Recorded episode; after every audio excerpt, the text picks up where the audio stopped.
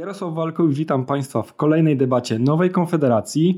E, jak tradycyjnie w naszych debatach dyskutujemy na tematy międzynarodowego, politykę i e, sprawy polityczne. Dzisiaj będziemy rozmawiać na temat bardzo nośnego tematu w ciągu szczególnie ostatniego miesiąca, czyli relacji na osi e, Pekin-Moskwa i jak one naprawdę wyglądają.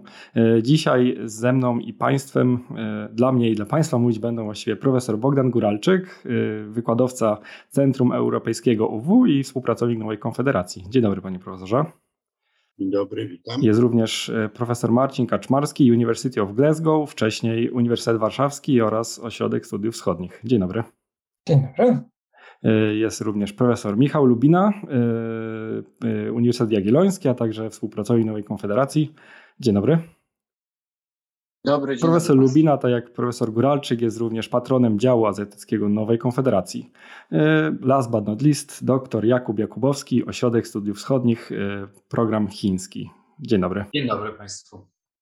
Ja tradycyjnie zapraszam na nasze portale społecznościowe oraz subskrypcję naszego kanału, a także jeśli Państwu się spodoba ten materiał, o łapkowanie, aby y, szerzej zatoczyć kręgi, aby jak najwięcej osób mogło usłyszeć tę, tę y, nie wątpię, że wartościową debatę.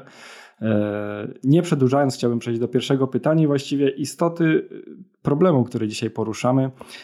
Czym te relacje są, jak one wyglądają i która strona, bo tych stron jest y, w przestrzeni publicznej kilka, które mówią z jednej strony o małżeństwie z rozsądku, inne o sojuszu z konieczności. Y, jeszcze gdzie niegdzie właściwie od OSW usłyszałem kiedyś, że Rosja jest starszą siostrą y, młodszego brata, którą, którym są Chiny. Ostatnio również u nas Radosław Pyfel powiedział, że są to bardziej wspólnicy. No szczególnie myślę, jest to w, w kontekście ostatniego miesiąca i wydarzeń na Ukrainie, ale jak, jak to dzieje się naprawdę, jak być może zmieniła się perspektywa właśnie od inwazji rosyjskiej na Ukrainę? Profesor Guralczyk.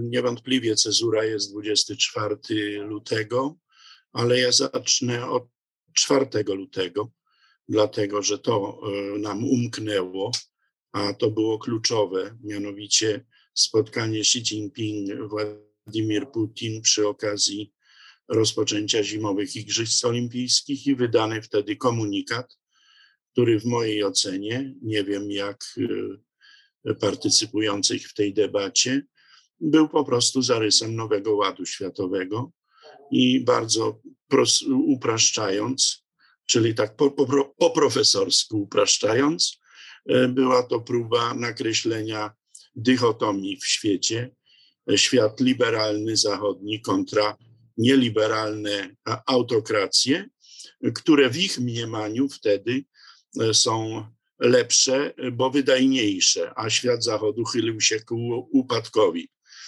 No i nie wiem, czy mam w egzegezę tego dokumentu wchodzić. Myślę, że raczej w czasie debaty. Natomiast sytuacja moim zdaniem gruntownie się zmieniła po 24 lutego, dlatego że po pierwsze, tak mi się wydaje, bo przecież archiwów nie mamy otwartych, e, Władimir Putin nie do końca Xi Jinpingowi wszystko dopowiedział. E, Chińczycy, obserwując ich media, e, pierwsze reakcje, byli wyraźnie zaskoczeni nie tym, kiedy nastąpiła i że w ogóle nastąpiła inwazja, i to, że nastąpiła po igrzyskach, chyba wskazuje, że były jakieś tam uzgodnienia, Natomiast y, skalą i brutalnością y, Chińczycy byli zaskoczeni, a jeszcze bardziej zaskoczeni zostali tym, że wbrew ich oczekiwaniom y, Rosjanie nie, spełni, nie uzyskali swoich celów założonych, czyli nie wstawili namiestnika do Kijowa, nie udało się osiągnąć podstawowych celów. I to spowodowało, że w chińskim ośrodkach analitycznych, e, później w dyplomacji, a wreszcie w mediach zaczął się ferment, który trwa i z jednej strony oczywiście jest zdecydowanie po stronie rosyjskiej stanowisko, ale z drugiej zaczynają sobie uświadamiać to, co jest oczywiste, że ku zaskoczeniu wszystkich świat zachodni się zjednoczył świat zachodni rozumiany jako Unia Europejska, i jako świat euroatlantycki i że głównym wygranym tego, tego całego ambarasu wcale nie będzie Rosja, to już pewne, tylko mogą być Stany Zjednoczone, a Chińczycy mówią Ukraina, a w tyle głowy mają Tajwan, Morze Południowochińskie i oczywiście Amerykanów. No i w tym sensie sytuacja 4 e, lutego bieżącego roku, a sytuacja po 24 lutego bieżącego roku jest moim zdaniem inna i oddaję głos e, kolejnym uczestnikom tej debaty. Dziękuję panie profesorze. Jako drugiego proszę o zabranie głosu profesora Marcina Kaczmarskiego. Dziękuję bardzo. Ja bym zaczął od tego, że wydaje mi się, że stosunków rosyjsko-chińskich nie sposób jest określić jedną frazą, chociaż to, jest to bardzo kuszące, ale ja bym powiedział, że to jest relacja, która jest bardzo złożona i która na różnych płaszczyznach trochę funkcjonuje w różny sposób. I o ile jest dobrze rozwinięta na płaszczyźnie politycznej, jest takie dorozumiane myślenie strategiczne w obu, w obu krajach o tym, że jeden odciąga uwagę Amerykanów w Europie, drugi odciąga w Azji, o tyle, jeśli już spojrzymy na relacje gospodarcze, tu jest dużo bardziej, jest dużo mniej materii. Jeśli spojrzymy na relacje w poszczególnych regionach, to też to różnie wygląda. Czasami te kraje się dzielą rolami, ale jeśli byśmy szukali określenia, to ja bym powiedział, że mamy tak do czynienia z dwoma podróżnymi w świecie pozachodnim, którzy trochę idą w inne strony. To znaczy w tym momencie idą razem i wiele zgadzają się na, w wielu kwestiach których nie lubią, natomiast niekoniecznie zgadzają się do tego, co, to, co ma być tą, e, tą ostateczną wizją. Dlatego ja bym się w tym, w, tym, w tym sensie bym się nie zgodził z profesorem Góralczykiem, że wydaje mi się, że jeśli oni nawet mówią razem o Nowym Ładzie, to każdy z nich to rozumie troszkę, troszkę, e, troszkę inaczej.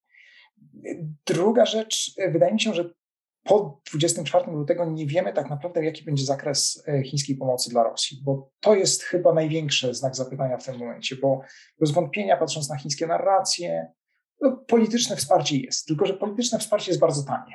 To jest potencjalny głos na w Radzie Bezpieczeństwa, czy nawet tutaj tego nie było, było wstrzymanie się od głosu przez Chiny, powtarzanie mm, zachodnich, e, antyzachodnich narracji jest też w, w interesie chińskim.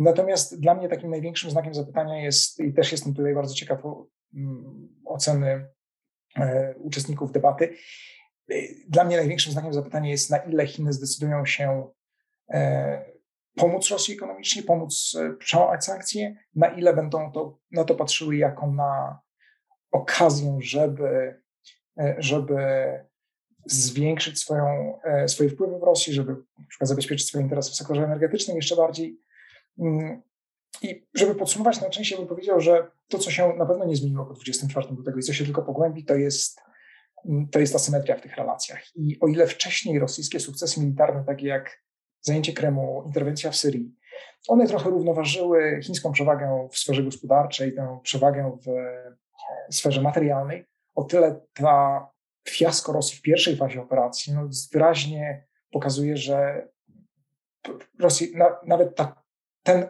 komponent rosyjskiej potęgi, który wcześniej robił wrażenie na Chińczykach, może być nie do końca, nie do końca e, taki, jakim się, jakim się wydawał. I to wydaje mi się, że będzie definiować te relacje. To znaczy, te relacje będą coraz bardziej, coraz bardziej asymetryczne. Pytanie, co się stanie, jeśli się zmieni władza w Rosji, ale to myślę, że do tego na pewno wrócimy. E, dziękuję bardzo. I profesor Michał Lubina, autor książki Niedźwiedź w cieniu smoka e, o relacjach chińsko-rosyjskich. Bardzo ciekawa pozycja e, do dostania w naszej księgarni internetowej.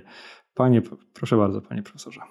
Dziękuję serdecznie. Jak tak reklamujemy, to myślę, że pracę wszystkich tutaj obecnych trzeba by reklamować. Profesora Góralczyka, książki o, o, o Chinach, Marcina Kaczmarskiego, to również książka w, w Routledge o, o, o relacjach rosyjsko-chińskich, czy raport e, współautorstwa Jakuba Jakubowskiego. No ale jeżeli zaczął Pan od reklamy, to ja oczywiście dziękuję serdecznie i chciałem też powiedzieć, że wkrótce będzie nowe, nowe wydanie Niedźwiedzia w cieniu smoka w sposób napisany bardziej, bardziej e, potocznie, tak? Także to pracuję teraz nad tym, także niech ta debata będzie, będzie okazją.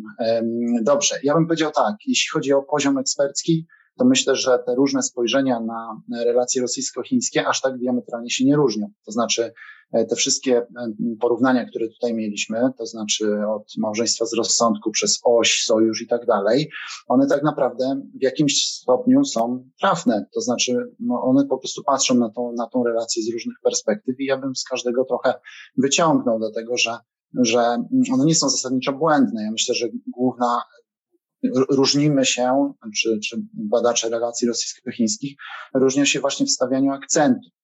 Czy spojrzymy na relacje rosyjsko-chińskie jako, czy na, na, chińskie spojrzenie na Rosję jako prorosyjską neutralność, czy też na prorosyjskość bez stawiania kropki nad i, to jest oczywiście istotne, tak? Natomiast to nie są jakieś diametralne różnice.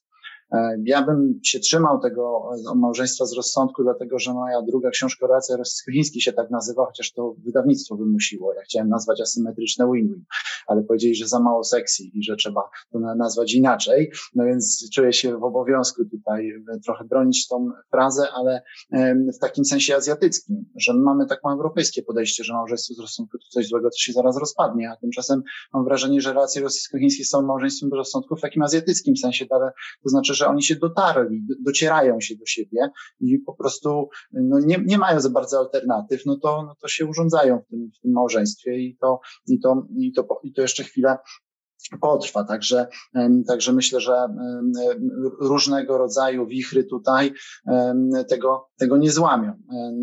Jeśli chodzi o, o, o to, co wcześniej już zostało powiedziane, to ja myślę, że państwem, które najwięcej zyska na razie są Indie. E, to jest państwo, które jest tutaj na razie dla mnie największym zwycięzcą tutaj tej, e, tej wojny. E, no ale zobaczymy, tak? To dopóki, dopóki parafrazując chińskie powiedzenie, które profesor Gulaczyk lubi tutaj nam często cytować, to dopóki się toczy gra, dopóty Indie mogą popełnić błędy. Także, także jeszcze to nie jest, nie jest pewne.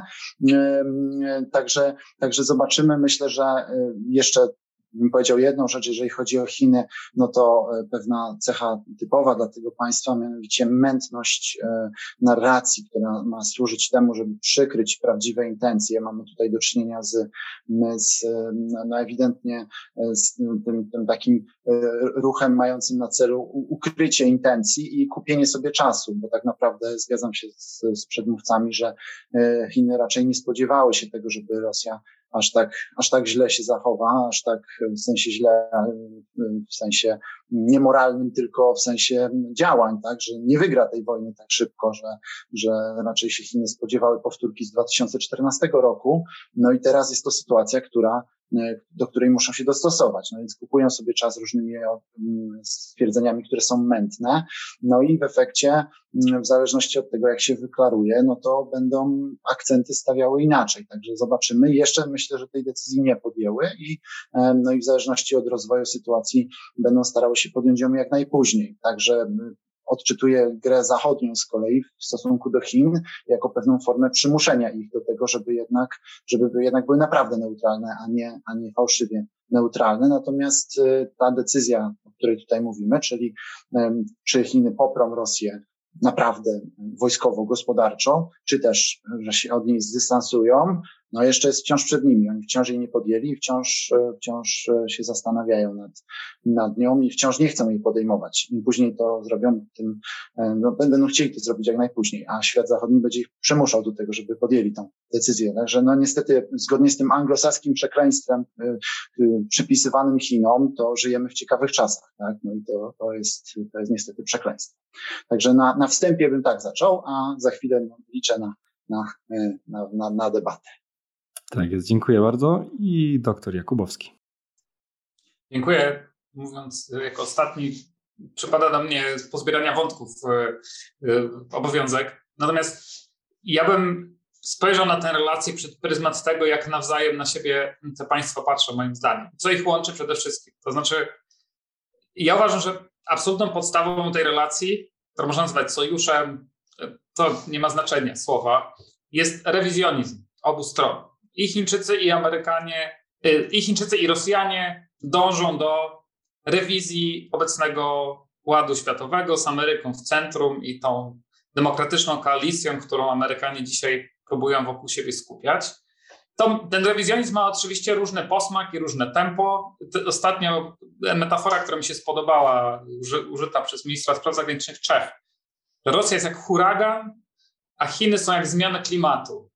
Czy kierunek jest ten sam, inne jest tempo i skala tego wszystkiego. Rosjanie mają ostatnie chwile na, na to, żeby zadziałać. Chińczycy mają przed sobą dużo czasu, ale dążenie jest jedno. Tak? Ten, ta rewizja ma wymiar taki strategiczno-militarny i ideologiczny. Znaczy, z jednej strony jest presja, tak jak oni to widzą, obie stolice, presja Stanów Zjednoczonych na, na nich, e, to znaczy osaczanie ich siecią sojuszy e, w Europie i na Pacyfiku. 4 lutego i przywożona przez profesora data. Ta wspólna odezwa dokładnie to pokazywała. Oni uważają te dwa amerykańskie systemy sojuszu jako spięte systemowo i naciskające na nich, powstrzymujące ich ambicje i zagrażające ich militarnie. To jest, to jest ten wymiar strategiczny. A obok jest y, ideologiczny, również bardzo wyraźny w tym dokumencie czwartego, tego, czyli Stany Zjednoczone jako ta siła czyhająca na stabilność reżimów, obalająca reżimy satelickie. Tak i Chińczycy, i Rosjanie tak patrzyli na protesty na Białorusi, protesty w Kazachstanie w tym roku, protesty w Hongkongu. Y, parafrazując pewnego amerykańskiego prezydenta, chodzi o to, żeby stworzyć świat bezpieczny dla autokracji. I to jest druga rzecz, w których jest im po drodze. Co się na końcu wydarzy, y, jeśli już y, zrealizują to, to oczywiście się można zastanawiać, czy się nie pokłócą, czy się nie wezmą za łby, gdyby została złamana ta amerykańska hegemonia i ten system sojuszy. Natomiast ja mam wrażenie, że na tym etapie oni się nie do końca tym zajmują. Są bezpośrednie rzeczy, które oni uważają za atak na siebie, na których się teraz skupiają. I y, tylko o, o tym, co się wydarza teraz. Znaczy, moim zdaniem, nawiązując do tego, co y, Michał Lubina przed chwilą powiedział, tego wielkiego znaku zapytania y, dotyczącego pomocy Chin dla Rosji. Moim zdaniem, na styku Rosji i Chin jest główne pytanie dotyczące chyba przyszłości tego, jak się system międzynarodowy teraz uformuje. Bo ja uważam, że rzeczywiście 4 lutego Putin przyjechał e, z pewnymi swoimi wizjami, co się wydarzy. Szantaż na Zachodzie, zebranie wojsk, być może szybka, sprawna operacja, postawienie Zachodu przed faktami dokonanymi, Y, wzniecenie debat, niezgody, krytyki, jak reagować i tak dalej, i tak. Sądzę, że taką wizję przedstawił Xi Jinpingowi. To jest mój strzał, ale nie mamy dostępu do archiwów, ale myślę, że mogło tak być. Sposób, w jaki Chiny patrzą na Zachód, jest bardzo podobny do rosyjskiego. Patrzą jako pogrążone w problemach, czy patrzyły Chiny, jako pogrążone w problemach, w kryzysach, niezdolne do reakcji, po upadku Kabulu, po kryzysu migracyjnym, Brexicie. Znaczy dla Xi Jinpinga rozumiem, że to było realne, że Rosjanie zagrają wysoko i bardzo szybko dokonają rewizji pewnego ładu regionalnego.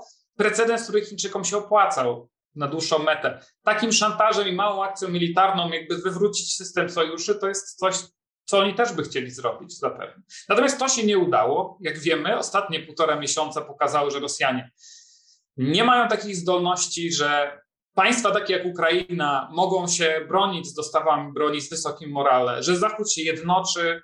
Wszystko się zupełnie wywraca i moim zdaniem będzie rzutować, stawia przed największym pytaniem teraz Chińczyków. To znaczy, mamy Rosję, która jest w przyspieszony sposób wypinana z globalizacji. Zaraz jutro będzie Rada Unii Europejskiej, być może następne y, więzy zostaną przecięte. I Chińczycy są stawieni przez Zachód, przez Stany Zjednoczone, przez Europę przed wyborem. To znaczy, Rosja podjęła próbę przyspieszonej rewizji ładu światowego, europejskiego, Spotyka, spotyka ją za to jakby najwyższa kara, wypięcie z globalizacji, bycie pariasem, y, sankcje gospodarcze o skali niespotykanej wcześniej. Mam nadzieję, że one się zmaterializują do końca z embargiem energetycznym. I Chińczycy, przed Chińczykami jest wybór. To znaczy, czy wy im pomagacie i wchodzicie w to piekło sankcyjne sami, jesteście sami wypinani, jakby kończymy globalizację, tworzycie jakiś swój własny system, macie wielki problem, czy może tę Rosję zostawiacie i próbujecie jakoś inaczej świat układać. To jest moim zdaniem esencja tego dylematu, przed którymi stoją Chiny, ale i relacje chińsko-rosyjskie teraz. Dziękuję bardzo. To jest bardzo dobre wprowadzenie do mojego drugiego tematu, bo poniekąd Chiny, y, Rosja wpada y, w ramiona Chin, tak jak to było po aneksji Krymu w 2014 roku, ale właśnie czy na pewno i czy Chiny tego tak naprawdę chcą. Ale zanim przejdziemy do tego, chciałem panu zapytać, na czym opierają się te relacje, bo poza wspólnymi wartościami antyzachodnimi i chęcią e, rewizji e, ładu światowego, to są dość e, mniej lub bardziej abstrakcyjne pojęcia, no ale są też twarde interesy, powiązania ekonomiczne, również wojskowe. Bez, bez rosyjskich silników nie istnieje właściwie chińskie lotnictwo wojskowe. Chińczycy razem z Rosjanami również ćwiczą dość, dosyć intensywnie na wodach światowych. Y, no właśnie, jak te ich powiązania y, wyglądają? Profesor Guralczyk. Y, ja bym bardzo jeszcze mocniej wzmocnił cezurę 24 lutego. Oni się do czegoś innego dogadali, a mają zupełnie inną sytuację i w, na Kremlu, i w Chunanhai, i w Pekinie. I e, w tej sytuacji e, wyraźnie widać, że Chińczycy są w strategicznej konfuzji. Zakładali, że jeżeli Putin wygra, e, no to mają silnego sojusznika w walce dla nich najistotniejszej, w walce ze Stanami Zjednoczonymi bo już o czymś takim należy mówić, ze względu na to, że od 2018 od marca mamy do dzisiaj trwającą wojnę handlową i celną. Do tego doszła wojna medialna, narastająca i e, najważniejsza, która będzie rozstrzygająca, e, to jest wojna w wysokich technologiach, obejmująca kosmos, ziemię rzadkie i tak dalej. W tym sensie y, te strony były komplementarne, bo chciały utworzyć sojusz przeciwko value-based order, czyli przeciwko liberalnemu, zdominowanemu przez Amerykanów i Zachód y, porządkowi.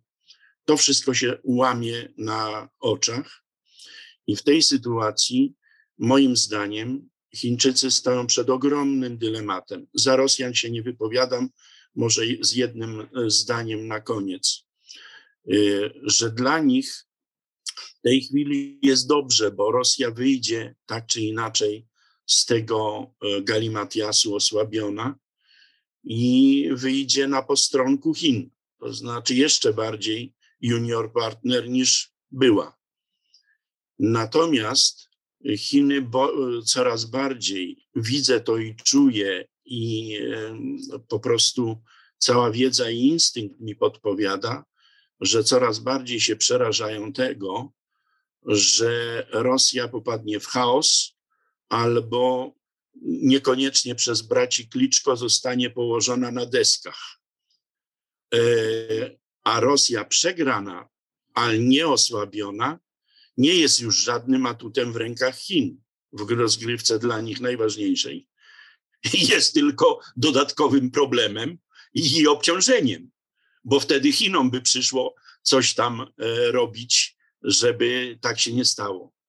Dlatego, e, jak analizuję to, co widzę, to proszę zwrócić uwagę, że to Xi Jinping zadzwonił do Scholza i Macrona i tam po raz pierwszy zaproponował mediację żeby oni, Europejczycy, oczywiście to była próba rozbicia również Sojuszu Euroatlantyckiego, ale że przy pomocy Chin, żeby rozpocząć mediację.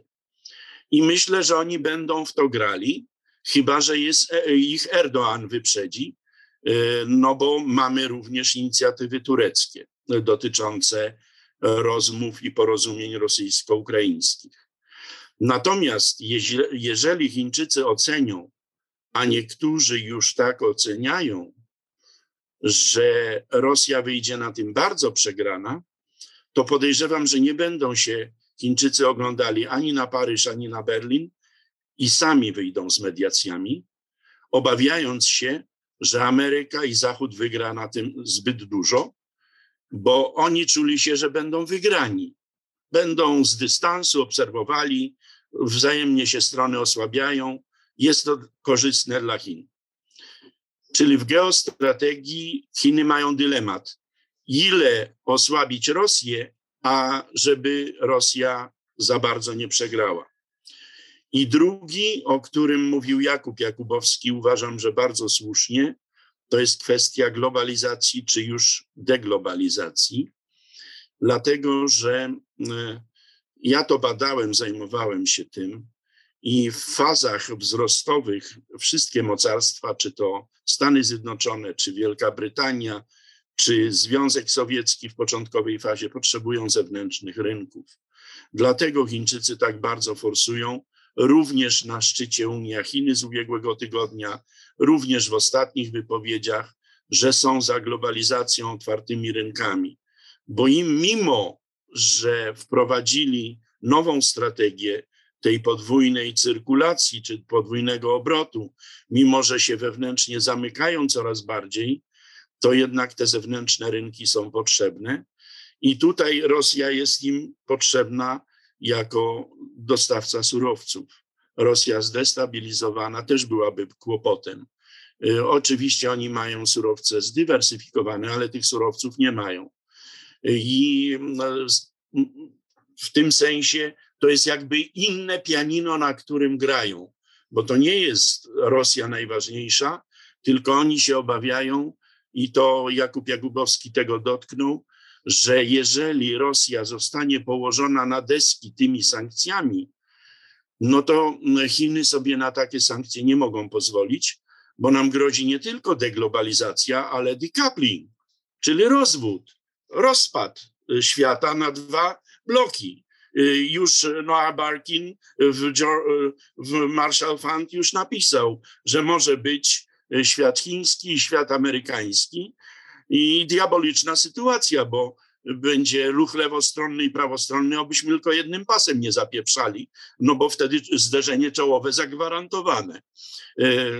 E, no Marcin Kaczmarski to i tak lewostronnie jeździ, więc to nie ma, nie ma problemu dla niego, ale, ale dla nas jest. Czyli e, w kalkulacjach chińskich są geostrategia e, i w tym kontekście, żeby Rosja nie została za bardzo osłabiona, a równocześnie e, światowe rynki, żeby były otwarte i żeby Chiny nie były objęte takimi sankcjami jak Rosja. Dlatego przypuszczam, oczywiście nie wiem, że Chiny będą współpracowały, będą handlowały, e, czego dowodem spotkanie Ławrow-Wang Yi w ubiegłym tygodniu. Ale równocześnie myślę, że nie pozwolą sobie na tym etapie, a może w ogóle na otwartą sprzedaż broni, no bo to jest zaproszenie. To nie to, że się przelękną kolejnych oświadczeń amerykańskich, czy nawet ze strony Unii Europejskiej na szczycie Unia Chiny, że nie sprzedawajcie Rosji broni, tylko we własnym, dobrze rozumianym interesie. I to będzie trwało, musimy to dodać, do 20 zjazdu, bo w Chinach już konfucjańska tradycja, już trzeba ceremoniały przygotować, wszystko zapisać do jesieni tego roku, gdzie będzie przecież koronowanie cesarza, pewnie dożywotniego. W tym sensie ja bym tutaj żadnych ruchów gwałtownych ze strony Chin nie przewidywał, chyba że ich sytuacja, bo my rozmawiamy w czasie wojny. Przecież może wyskoczyć jeszcze jakaś bucza, albo może być użycie broni niekonwencjonalnej i wszystkie nasze jajogłowych wymądrzania się i profesorskich tytułów można będzie o kant tyłka rozwalić, bo nagle jesteśmy znowu w nowej sytuacji. Już nie będzie 4 luty, 24 luty, tylko powiedzmy któryś tam kwietnia albo maja 2022 roku. Musimy więc wszystkie nasze kalkulacje, założenia i pro, prognozy włożyć w nawias, że my rozmawiamy w czasie wojny, jakiej nie widzieliśmy od II wojny światowej, bo ta wojna nie jest proxy war, wbrew temu, co niektórzy z nas utrzymują. To nie jest ani Czeczenia, ani y, nawet Syria, ani na pewno trzy wojny bałkańskie w byłej Jugosławii. Tu jest bezpośrednio zaangażowane mocarstwo jądrowe wielkie, jest zaangażowany, mimo że nie jest bezpośrednim uczestnikiem, Zachód i NATO, i są i Indie, i Chiny też bezpośrednio zainteresowane tym, co tu się dzieje. W mniejszym czy większym stopniu za, nie, za, nie może i zaangażowane, ale zainteresowane żywotnie. Wobec tego my mamy y, sytuację i konflikt, z którego wyłoni się nowy ład światowy. I nie będzie to powrót w prostej linii do y, świata sprzed 24 lutego. I w tym kontekście jeszcze jedną rzecz na koniec powiem, bo wydaje mi się ona kluczowa, że w tym komunikacie 4 lutego, który całkowicie wojna, co zrozumiałe, y, na terenie Ukrainy y, przykryła, tam jest jeden akapit o AUKUS, a ostatni jest o Szanghajskiej Organizacji Współpracy, bo tam zrealizował się czarny scen, sen y, amerykańskiego stratega, o czym napisał Zbigniew Brzeziński w Wielkiej Szachownicy, że jeśli Rosja z Chinami i z Iranem będą współpracowały, to jeśli zneutralizują wpływy Indii, mają Eurazję pod sobą, mają kontrolę nad tym. A przecież Iran do Szanghajskiej Organizacji Współpracy jesienią ubiegłego roku przyjęto jako full-fledged member, jako pełnoprawnego e, członka i należy się temu przyglądać, jak również wszystkim rozwiązaniom instytucjonalnym i integracyjnym w regionie Azji Pacyfiku, bo mamy i CPTPP, czyli kontynuację TPP pod agidą Japończyków, gdzie i Tajwan i Chiny złożyły wniosek o pełną e, akceptację i mamy recept bez Amerykanów w obydwu przypadkach, a z drugiej strony mamy sojusze wojskowe i koncepcję szerszą Indo-Pacyfiku. Zaczynają się rzeczy ogromne dziać, które szybko wrócą na porządek dzienny pod warunkiem, że wojna na terenie Ukrainy się skończy. I wtedy dopiero każdy z nas, jak tutaj jest uczestników tej debaty, będzie miał jeszcze więcej roboty, tak jakby dotychczas narzekał, że jej ma za mało. Dziękuję. Dziękuję panie profesorze. Chciałem teraz przejść do profesora Kaczmarskiego i y, poniekąd jeszcze y, również zahaczając o, o wątki, które powiedział profesor Guralczyk, właśnie między innymi na temat tej przyszłości, relacji, o której jeszcze chciałem głębiej pomówić pod koniec naszej e, debaty, e, ale tych relacji e, w kontekście wojny. Na czym to właśnie te relacje bazują? Co jest tą podporą relacji chińsko-rosyjskich?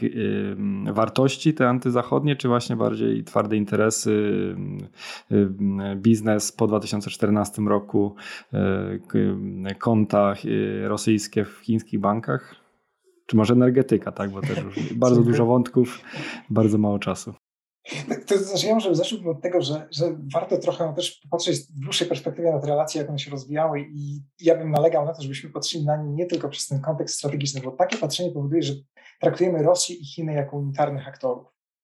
E, zapominamy o tym, że Rosja to jest e, lider Władimir Putin i jego otoczenie, które ma swoje interesy, które jest w stanie pewne interesy forsować. I jeśli patrzymy na relację rosyjsko-chińską, ona trochę inaczej wygląda w tej sferze, nazwijmy ją geostrategicznej politycznej, a inaczej wygląda na przykład w sferze energetycznej. Duża część współpracy energetycznej, zasadnicza część współpracy energetycznej, jeśli chodzi o ropę naftową, dokonała się przed 2014. Chiny weszły w trwałą współpracę z rosyjskim producentem gazu skroplonego Nowatekiem przed 2014. Więc są obszary relacji, które rozwijały się bardzo dobrze jeszcze przed kryzysem krymskim. Nie można sprowadzić, ja bym nie sprowadzał relacji rosyjsko-chińskiej do napędzanej przez, przez ten kryzys roku 2014. Mm, pewne wątki, o których mówiliśmy, typu wspólna wizja świata, to znowu można wrócić do roku 97, do pierwszego komunikatu o świecie wielobiegunowym. Więc jest w różnych sferach te relacje rozwijały się, się w, różnym, w różnym tempie. Jeśli patrzymy na, na współpracę energetyczną, to tak podsumowując, to po pierwsze, filarem jest sprzedaż ropy, ropy naftowej przez Rosję do Chin. Drugim istotnym elementem jest gaz skroplony, czyli firma Nowatek, która jest, dominuje firma prywatna, ale bardzo blisko powiązana z Władimirem Putinem przez swoich właścicieli, gdzie Po trzecie, jest energetyka atomowa. Rosyjskie koncerny są obecne na rynku chińskim teraz jako Rosatom, jeden monopolista od połowy lat 90, od wczesnych lat 90. i mimo tego, że Chiny rozwinęły swoją, swój sektor energetyki jądrowej, Rosjanie zostali w ostatnich latach zaproszeni do budowy kolejnych, kolejnych um, reaktorów. No i wreszcie gdzieś na tym szarym końcu jest e, gaz, sektor gazowy nadzorowany przez Gazprom. Gazprom zbudował rurociąg e, Siła Syberii. Jeszcze minie kilka lat, zanim on osiągnie pełną, pełną wydajność. Czy będzie rozbudowa tej, tej relacji? To jest kolejne pytanie. To znaczy, czy, czy Chiny zdecydują się skorzystać, jeśli Europa rzeczywiście mm, wprowadzi embargo na dostawy rosyjskiego gazu? Czy zdecydują się na budowę gazociągu, który byłby z tych samych źródeł, które zasilają Europę? Dotychczas Chiny konsekwentnie tego unikały, nie chcąc dawać Rosji okazji do wybierania między klientami. Rurociąg Siła Syberii zapewne prowadzi tylko do Chin i nikt inny z tego gazu nie może skorzystać. Drugim takim filarem, wspominał Pan współpracę wojskową. Myślę, że tu musimy rozróżnić między sprzedażą uzbrojenia i wspólnymi ćwiczeniami.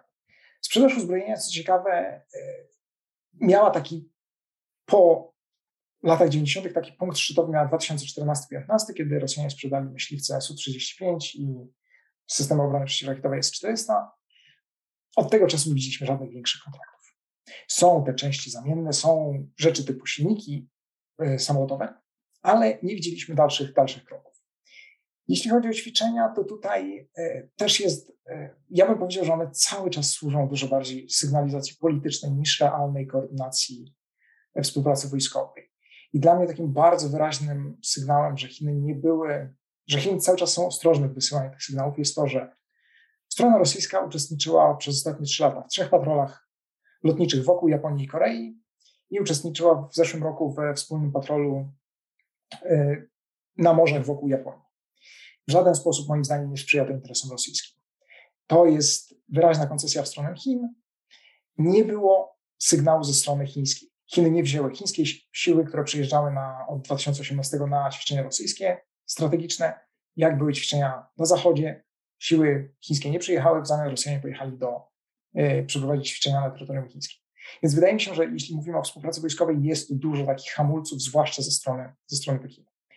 Ale trzeci, trzeci filar, na który ja bym chciał zwrócić uwagę, to jest filar wewnętrzny w Rosji. To znaczy, ta współpraca z Chinami idzie tak dobrze, bo w tym momencie nie ma poważniejszych grup w Rosji i w rosyjskiej elicie władzy, które by sprzeciwiały się bliskiej współpracy z Chinami większość aktorów, którzy się liczą, w jakiś sposób na tej współpracy korzysta. Głównie w taki sposób materialny.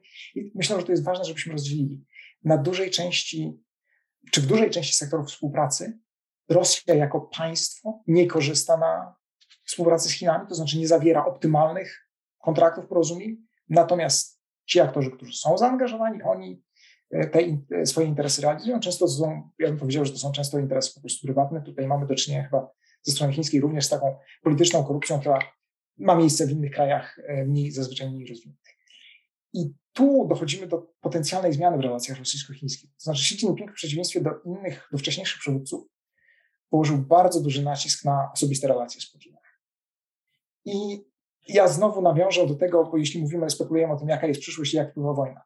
Jeśli w Rosji pojawi się nowy lider, i nie, to nie ma znaczenia, czy, będzie, czy to będzie kierunek zmian demokratyczny, czy bardziej autokratyczny nowy lider zyska szansę, żeby na nowo określić priorytety Rosji w Azji i określić, czy jest w interesie rosyjskim tak bliska współpraca z Chinami. E, moim zdaniem to, co Rosjanie próbują zrobić z Indiami, to jest utrzymać Indię po swojej stronie cały czas. Natomiast nie udaje im się, już w tym momencie widzimy, nie udało się to ani z Japonią, ani z Koreą Południową.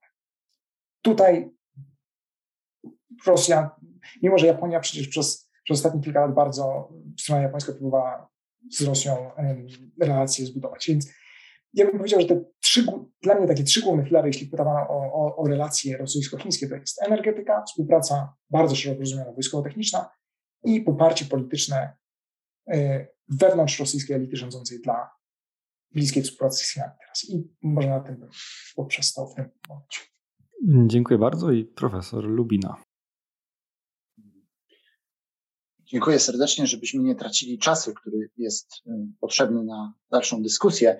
Ja miałem tutaj, zrobiąc notatki, że dla mnie są cztery tutaj główne filary relacji rosyjsko-chińskiej, ale się na szczęście to łączy z tym, co wcześniej mówił Marcin, czy Jakub, czy profesor. Więc, więc tak, po pierwsze są to strategiczne tyły. Dzięki temu, że mają dobre relacje ze sobą, mogą się skupiać na innych relacjach. Rosja może się skupić na bliskiej zagranicy, Chiny mogą się skupić na Azji, Pacyfik. I to jest pewien, pewien klej, który funkcjonuje od lat 90. I to jest bardzo ważne, żeby mieć świadomość bezpieczeństwa z tyłu, e, że nic partner nam tutaj e, strategiczny, jakby nie spojrzeć, żadnych głupich rzeczy nie zrobi. Także, także to jest dla mnie pierwszy filar, jest bardzo ważny i w tym kontekście musimy spojrzeć na bardzo mądrą politykę chińską uspokajania lęków rosyjskich. Jeżeli spojrzymy z dłuższej perspektywy na relacje rosyjsko-chińskie od 1991 roku, to widzimy na początku, jak ogromnie dużo lęków było rosyjskich, i oczywiście możemy powiedzieć później dalej o tych regionalnych lękach, e, z czym się to wiązało i tak dalej, ale lęki e, były wszelakiego rodzaju i e, od, od takich absurdalnych, jak tam, że zajmą Syberię, tak? To są te absurdalne. Natomiast do takich już bardziej konkretnych, czyli że, no, że zamienią tą Rosję w wielki Laos, tak? Czyli że stanie się ta Rosja po prostu jedną wielką kolonią chińską w sensie gospodarczym i Chińczycy umiejętnie te lęki, a jeszcze jeden ważny lęk, czyli lęk przed zmianą reżimu. E, no i e, to, że, że jednak e, nie, nie że, że, że Zachód chce zmienić reżim, a Chiny nie. I to jest coś, co się udało Chińczykom. Przez 30 lat byli w stanie uspokoić te lęki rosyjskie. Rosjanie w najlepszym wypadku się ich pozbyli, w najgorszym ich głęboko zakopali w ziemi.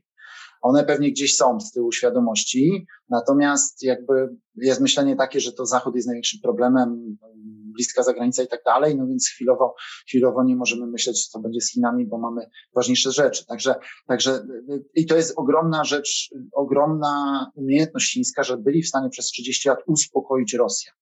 I dlatego te strategiczne tyły.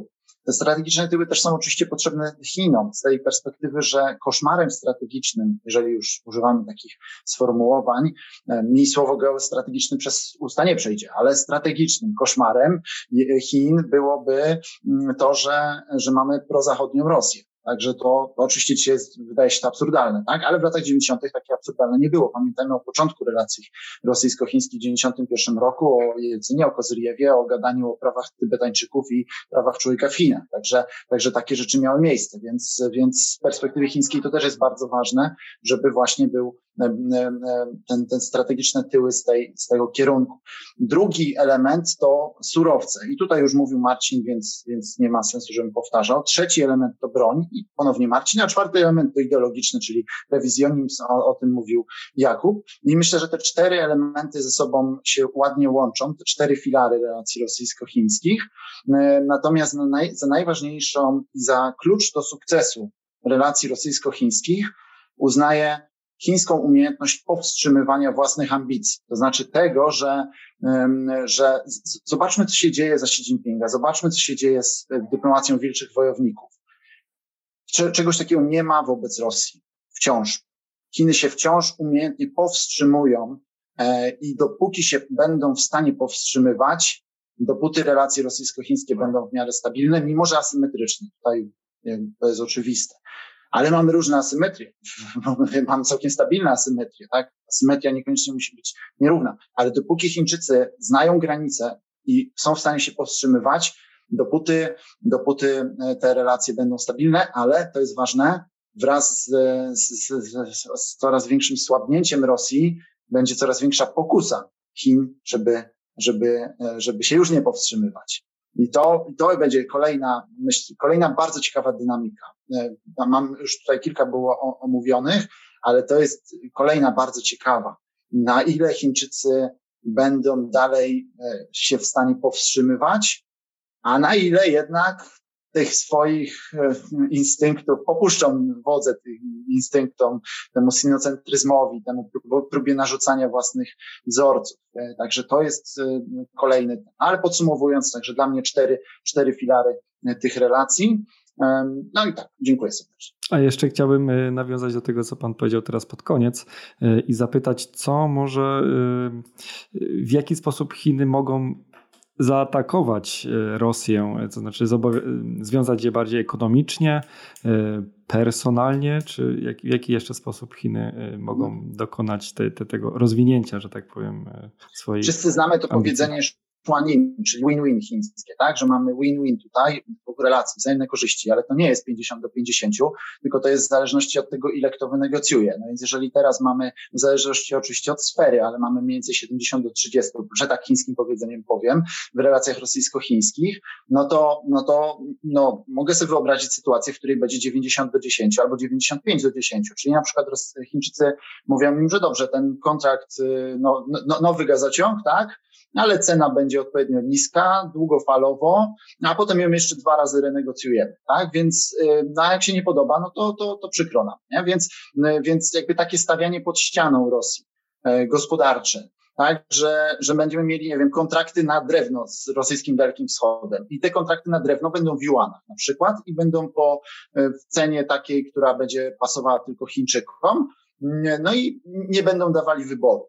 Także, także w ten sposób rozumiem to przymuszanie gospodarcze. Oczywiście za zamkniętymi drzwiami publicznie to wszystko będzie pięknie, dalej będą mówić o wielkiej Rosji, mocarstwie i tak dalej, ale za zamkniętymi drzwiami nie będzie zmiłuj, nie będzie zmiłuj znacznie bardziej niż jest teraz. Dlatego, że do tej pory no, trochę się jednak hamowali a teraz się mogą przestać hamować. I to jest, i to jest rzecz, i to jest dla mnie jedna z tych, z tych próbek relacji rosyjsko-chińskich, bardzo istotna, tak? Czy, czy Chińczycy zachowają, będą w stanie się dalej powstrzymywać, a będą mieli duże, dużą pokusę tego, żeby wykorzystywać słabość rosyjską. No i jeśli się rzeczywiście nie powstrzymają, to natychmiast się uruchamia zupełnie inna dynamika, która może nie jest aż taką dynamiką, jak mamy teraz, bo mamy wojnę i pełna zgoda z profesorem, że, że to jest rzecz, która może wszystko zmienić, ale jakby w skali mm, hierarchii inna dynamika, to jest dynamika uruchomienia rosyjskich lęków. Czyli podsumowując, wracając do tego, do, od czego zacząłem tą wypowiedź, czyli że tego, że y, Chińczycy bardzo skutecznie byli w stanie te lęki rosyjskie mm, oswoić, to znaczy przekonać Rosjan, że, no, że, że, że Chiny nie są straszne. Mm, no to gdyby teraz zaczęli jednak wyzyskiwać ich w sposób laotański, że tak powiem, czy kambodżański, to uruchamiają dynamikę lęków rosyjskich i, i ona nas może naprawdę w bardzo ciekawe miejsca zaprowadzić, ale to, to nie są dobre miejsca dla relacji rosyjsko-chińskich. Także, także klucz do tych relacji, jeden z kluczy, ale tym, na, na, tym, na tej płaszczyźnie leży w Pekinie i w umiejętności powstrzymywania swoich instynktów przez Chińczyków. Dziękuję bardzo. Jakub Jakubowski, e, Państwo przedmówcy powiedzieli między innymi, że jeden z filarów jest e, handel e, paliwami i w tym ropą, no ale ropę Chiny biorą nie tylko z Rosji, również z krajów Azji Centralnej, no a przede wszystkim podobno, z tego co ostatnio czytałem, z Bliskiego Wschodu. I właściwie jak, jak wygląda, wyglądają te relacje chińsko-rosyjskie i jak bardzo Chińczycy, to co powiedział profesor Lubina, mogą tymi tym biznesem dopasowywać do obecnej relacji politycznych, żeby wywierać większy wpływ na Moskwę. Y, rzeczywiście ten filar gospodarczy z tych wszystkich, które to wymieniane, z którym wypada mi się tylko zgodzić, jest, jest chyba teraz najciekawszy, przynajmniej dla mnie. Znaczy, wiąże się wprost z pytaniem o to, czy i jak Chińczycy chcieliby pomóc Rosji, jak ta relacja gospodarcza będzie się zmieniać wraz z wypinaniem Rosji z zachodu y, na każdym poziomie. To będzie bardzo głęboka redefinicja, wielkie wyzwanie i dla Rosjan, i dla Chińczyków, żeby się tutaj ułożyć, nawiązując do tego, co Michał Luwina przed chwilą powiedział. Ja tylko jedną rzecz chciałem powiedzieć, makabryczną zupełnie, ale po, po jakby argument za tym trzymaniem własnych pleców, o którym, o którym mówił Michał Lubina. Czy fakt, że do wojny z Ukrainą, mobilizując wojska, Rosjanie byli gotowi przenieść siły, które były na granicy z Chinami do Europy. To jest realny, bardzo realny wymiar tej relacji. E, Rosjanie, którzy przecież parę dekad temu na tej samej granicy byli na granicy wojny z Rosjanami, tym razem przenosili te jednostki do Europy. No, jedna z jednostek, która dokonywała masakr w Buczy, to była jednostka z Chabarowska, czyli jednostka, która miała pilnować chińskiej granicy. Fakt, że Rosjanie mogli ją przenieść, jest bardzo realnym, namacalnym efektem tego, co jest między Chinami a Rosją. Natomiast w kwestiach gospodarczych, y, bo ja bym to sproblematyzował. To jest szalenie ciekawe i ogromne wyzwanie, jeżeli sprowadzić to do, do realnych działań. Czy po pierwsze, powiedzmy, energetyka tak, ale jeżeli by spojrzeć na całość relacji gospodarczych, jakie państwa mogą mieć między sobą, powiązania w łańcuchach dostaw, powiązania finansowe, powiązania technologiczne i tak dalej, i tak dalej, to nie jest bogata relacja. Znaczy, moim zdaniem, ostatnie lata między Chinami a Rosją mieliśmy do czynienia z sojuszem dwóch protekcjonistów. On, te państwa nawzajem zamykały sobie dostęp do rynków, grały ze sobą bardzo mocno, ostro negocjowały, to negocjacje gazowe przy, przywołane przez, przez Michała Lubinę. To nie była prosta relacja, to był, to był wrestling, moim zdaniem oparty też na mm, rosyjskiej kalkulacji, że nie należy Chińczyków wpuszczać za głęboko. Cały ten zwrot na wschód, który Putin zapowiedział y, już ponad prawie dekadę temu, tak? On się nie dokonał w pełni. To znaczy, Rosjanie balansowali Chińczyków kapitałem japońskim, zachodnim, nie wpuszczali ich do swojego systemu finansowego, nie wpuszczali, no częściowo Chińczycy sami nie przychodzili, Rosja nie jest najlepszym miejscem do robienia biznesu, ale generalnie rzecz biorąc, obecność gospodarcza Chin w Rosji jest relatywnie niewielka. Kluczowe aktywa są w rękach Rosjan. Chińskie firmy nie mają dominującej pozycji w większości sektorów. I teraz, w sytuacji, kiedy Rosja miała być trwale wypięta z powiązań z Zachodem, technologicznych w ramach łańcuchów dostaw, komponentów. To wymaga wielkich dostosowań przemysłu rosyjskiego, przeorientowania na inne technologie, na inne źródła finansowania itd. Tak itd. Tak w realiach wielkich problemów finansowych, no bo załóżmy dla nas optymistycznie, znaczy życzeniowo odcięcie od dwa, dwie ostatnie jakby y, nogi odciętej tej relacji, czyli noga energetyczna i noga finansowa, czyli wdrożenie sankcji SWIFT na, mm, na rosyjski sektor finansowy. Być może to zobaczymy. Nie wiadomo, co się kryje. Może spadnie taktyczna broń jądrowa na Charków za tydzień i będziemy w innym świecie żyli. Stawia nas to w tej sytuacji, kiedy Rosjanie, którzy dotychczas nie chcieli Chińczyków za głęboko wpuszczać, y, stoją przed Chińczykami, którzy dotychczas, to warto powiedzieć, nie mają doświadczenia w podnoszeniu na nogi tak wielkich gospodarek. Chińczycy pożyczali pieniądze wszędzie, mają wszędzie swoje wpływy, ale jeżeli państwo ma realny problem, to co się dzieje w Sri Lance teraz, kryzys finansowy, kryzys walutowy, to, co się działo w Pakistanie 2-3 lata temu, w Wenezueli, w różnych miejscach na świecie, w Turkmenistanie. Za każdym razem państwa, które nawet głęboko były od Chin zależne, wpadały w kłopoty, Chińczycy umywali ręce. Oni nie mają nawet do końca doświadczenia. I to jest kluczowy moment. Znaczy, po pierwsze, Rosjanie musieliby dojrzeć do tego, żeby Chińczyków wpuścić do siebie i wpaść w tę zależność, co będzie, myślę, dla, dla Rosjan trudne. Po pierwsze, a po drugie, Chińczycy po pierwsze musieliby się wypracować w ogóle sposób, żeby w jaki sposób uporządkować tamtą gospodarkę w taki upolityczniony sposób rosyjsko, jednocześnie nie wpadając w to, o czym mówił Michał Lubina, znaczy nie, nie popadając w triumfalizm, no bo jeżeli Rosja będzie rzeczywiście zdana na ich łaskę, to mogą potencjalnie powiedzieć, słuchajcie, e, dajemy wam 100 miliardów dolarów z naszych rezerw na utrzymanie waszej waluty, dajemy wam dostęp do naszego systemu yuanowego wymiany ze światem, żebyście handlowali ze światem, ale poprosimy Gazprom, Rosneft, dostęp do specjalnej strefy ekonomicznej na Dalekim Wschodzie, zniesienia wszystkich barier, które na nas stawiacie handlowych, bo Rosjanie mają szereg barier handlowych wobec Rosji, wobec Chin ustawionych. To nie jest takie proste, znaczy rzucanie tej, tej, tej, tej liny koła ratunkowego oznacza nie tak głębokie przetasowanie w tej relacji, że będzie to moim zdaniem wielkim testem i dla elit rosyjskich i chińskich. I to wszystko już kończąc, jakby pomijając w ogóle kwestię, co będzie robił Zachód, bo Zachód w każdym z tych momentów będzie patrzył na każdy element tej relacji i mówił: Chińczycy, jeżeli pomożecie tu, to będzie taka sankcja na was. Jeżeli pomożecie tu, to będzie taka sankcja. To się już zaczęło, tak? W półprzewodnikach, gdzie Amerykanie mówią: jeżeli Chiny zastąpią zerwane łańcuchy z Japonią i z Tajwanem, to Ameryka uderzy w Chiny. Tak? I tego typu, znaczy, będzie wielki takie przeszatkowanie gospodarcze pod ciągłym ostrzałem artyleryjsko-sankcyjnym ze strony Zachodu. Niesamowicie trudna sprawa, ale ostatnie słowa jakby wspierające tezę, że mamy do czynienia z niezwykle głębokim, jakby globalnym przewartościowaniem teraz. Bo albo Rosja wygra i e, z Zachodem i Zachód tego nie zrobi, albo Rosja przegra z Zachodem i znajdzie się w tej sytuacji, o której tu mówiłem. Dziękuję bardzo, bardzo e, ciekawe wątki wprowadzone do dyskusji, no i e, z pewnością przyszłość szykuje się niezwykle interesująco.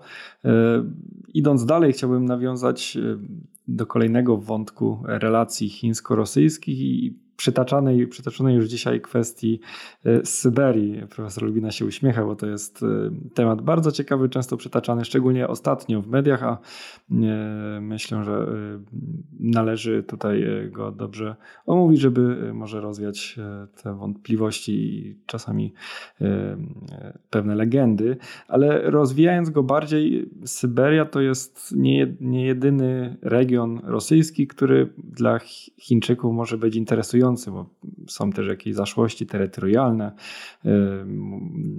Była mowa też o możliwości wojny chińsko-rosyjskiej jeszcze w latach 90.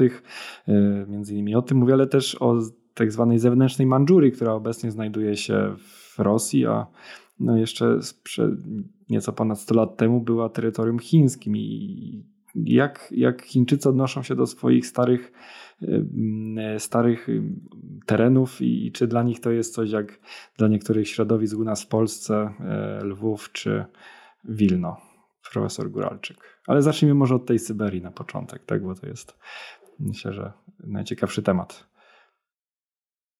Syberię to chętnie oddam Michałowi Lubinie, bo to jego ulubiony konik.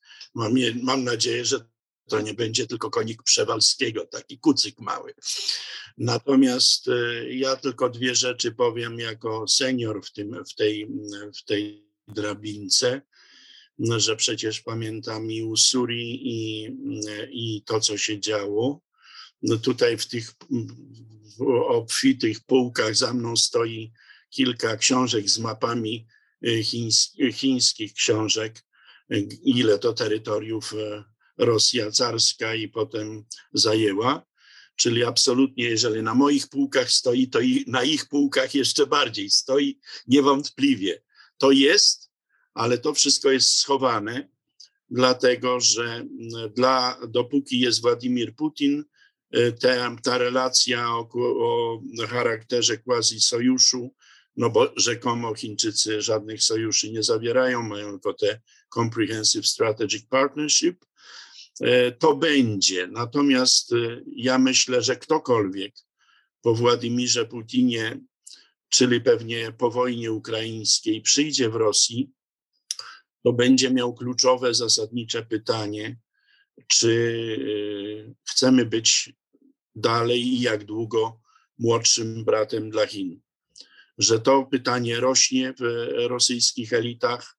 Ono teraz jest schowane pod wojną ale natychmiast wyrośnie, bo Chiny wyjdą z tego wzmocnione e, i e, równocześnie pytanie będzie, e, jak będzie się rozwijała rzecz najważniejsza na współczesnej scenie międzynarodowej.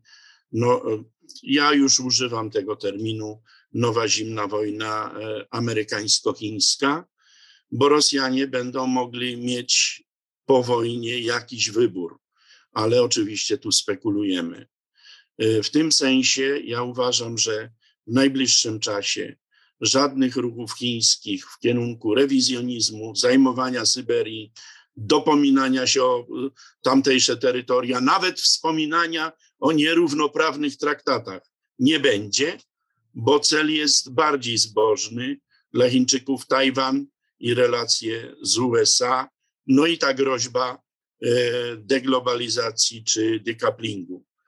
To jest coś, co im spędza sen e, z powiek i w tym kontekście te kwestie, których tutaj wywołaliśmy, począwszy od Syberii, są drugorzędne, ale one są i kiedyś wypłyną. Mógłbym tutaj popłynąć dalej, bo one mogą wypłynąć, jak ja już nie będę żył, więc ja już mogę wam tutaj zarysować wizję, bo potem już nikt mnie nie sprawdzi.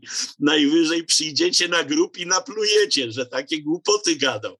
Ale e, lepiej się w takie dywagacje e, nie wdawać, bo rzeczywiście są sprawy dużo, dużo poważniejsze. I konkludując, bo naprawdę chcę tutaj oddać moim współuczestnikom debaty głos, ja uważam, że to wszystko narasta i po wojnie ukraińskiej będziemy mieli bardzo głębokie przetasowania i zobaczymy, czy Rosja zechce być e, coraz słabszym partnerem coraz silniejszych Chin.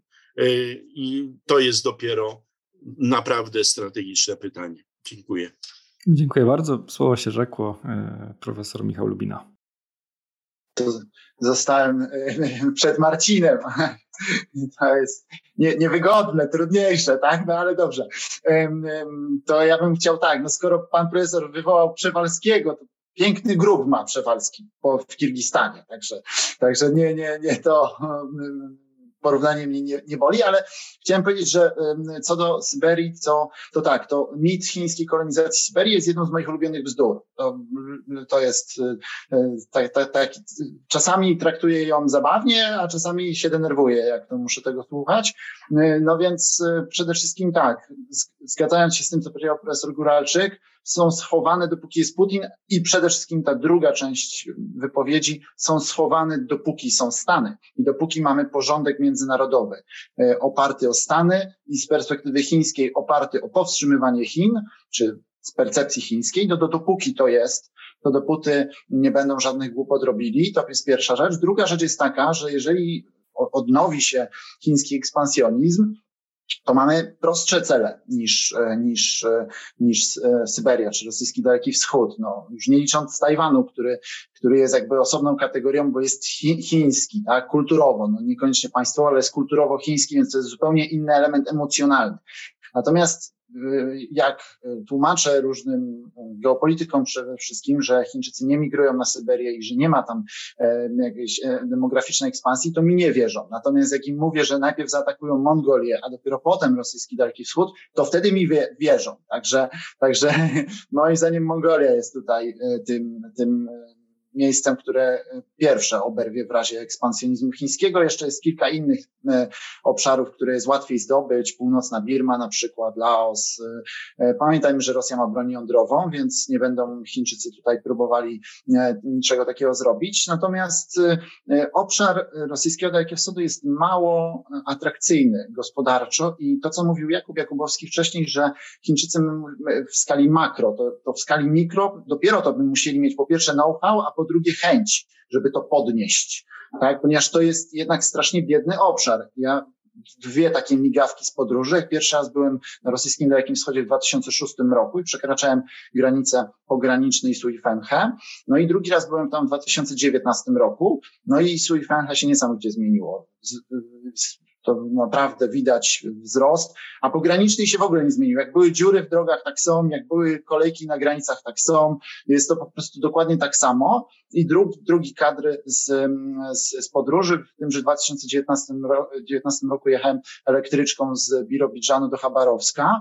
No i e, do mojego przedziału weszła wycieczka chińska i e, komentarze tej wycieczki były absolutnie fascynujące, bo oni mówili, patrzcie, u nas takie pociągi były 30 lat temu, to jeszcze jeździ. I naprawdę to było takie orientalizujące na, na zasadzie, że, że no przyjechaliśmy tu do jakiegoś, do jakiejś, no, do, do, czegoś, co jest stare w ogóle, u nas kiedyś tak było.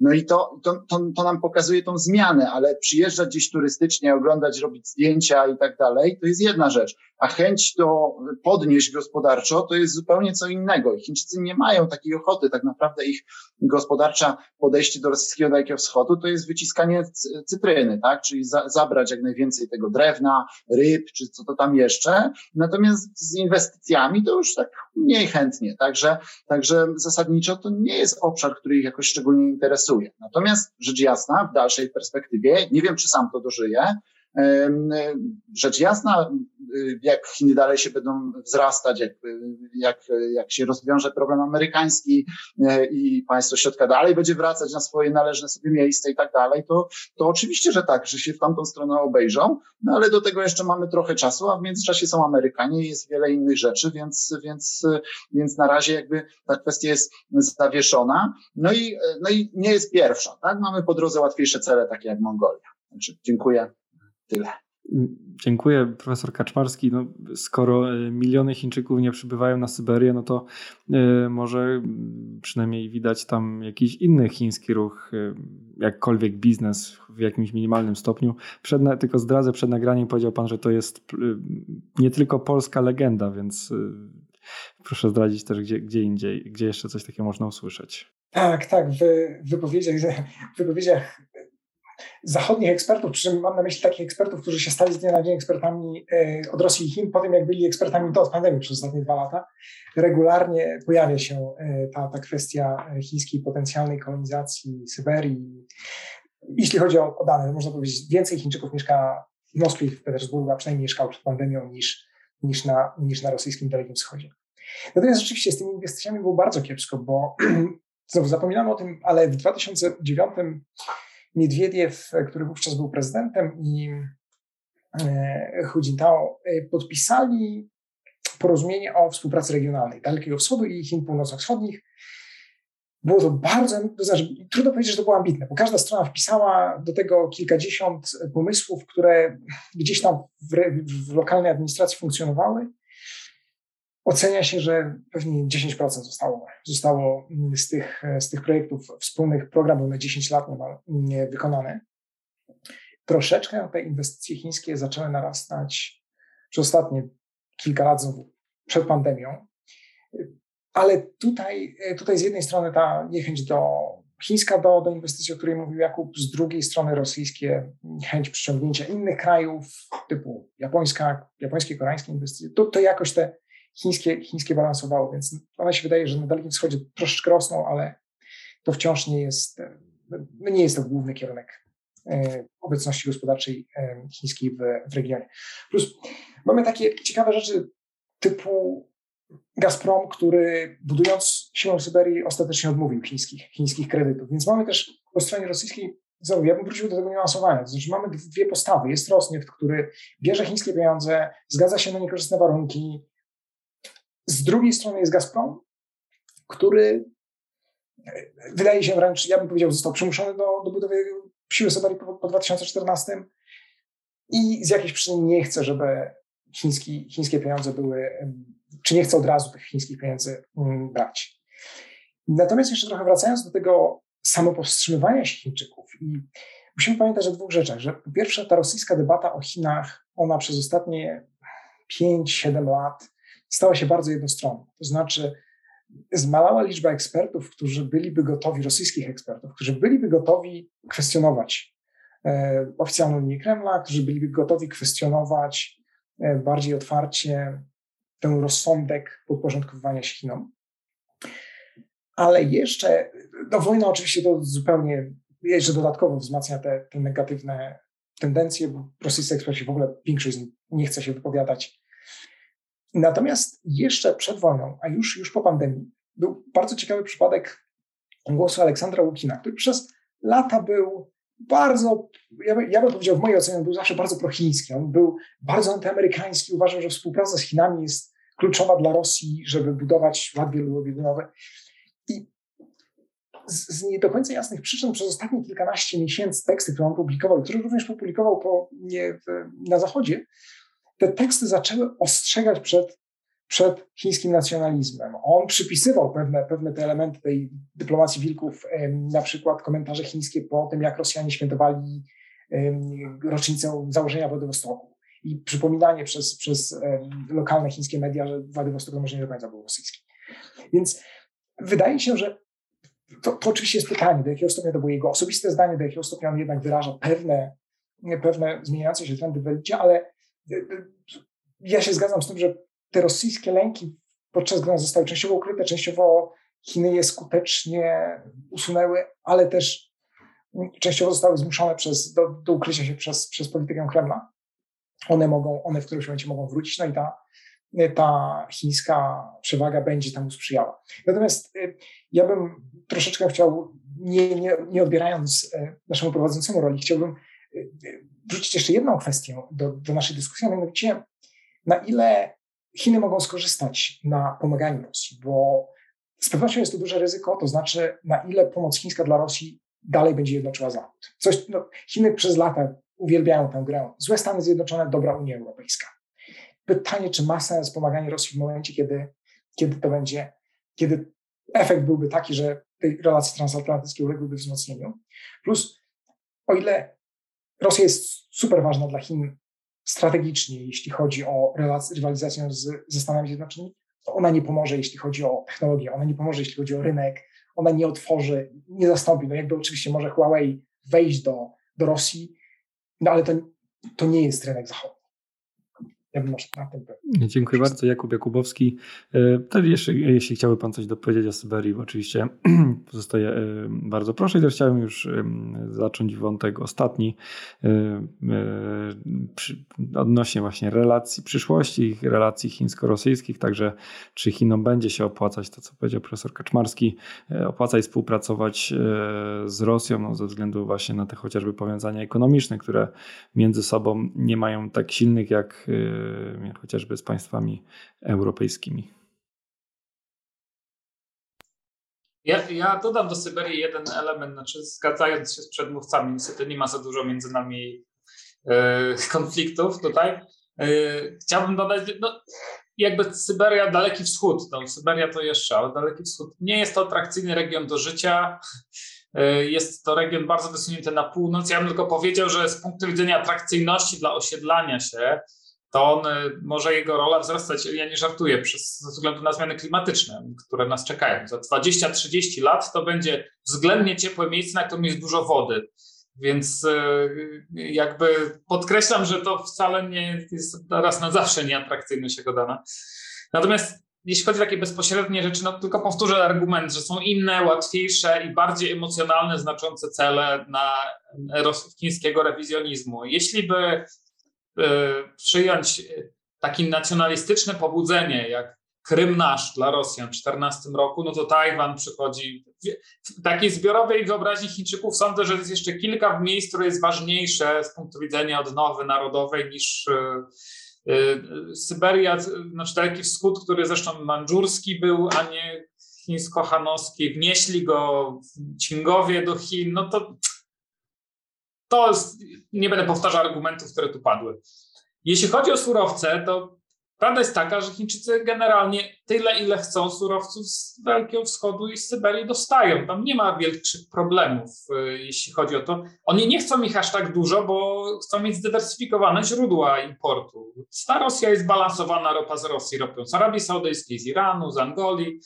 Z gazem to już zupełnie, to gaz tam chiński LNG i własne ich zasoby i, i Azja Centralna, to, to nie jest duża rzecz. E, drewno, ryby, to wszystko jest tam sprowadzane. Tu jest jeden ciekawy taki moment tylko, że to, to powoduje bardzo taką ciekawą, ciekawą, ale dla Rosjan trochę niewygodną sytuację. Znaczy, Rosja generalnie jest państwem skupionym na Europie, jeśli chodzi o ludność. Tak? Daleki Wschód jest mało rozwinięty, mało rozwinięta sieć osadnicza, mało miast, mało inwestycji infrastruktury, z grubsza.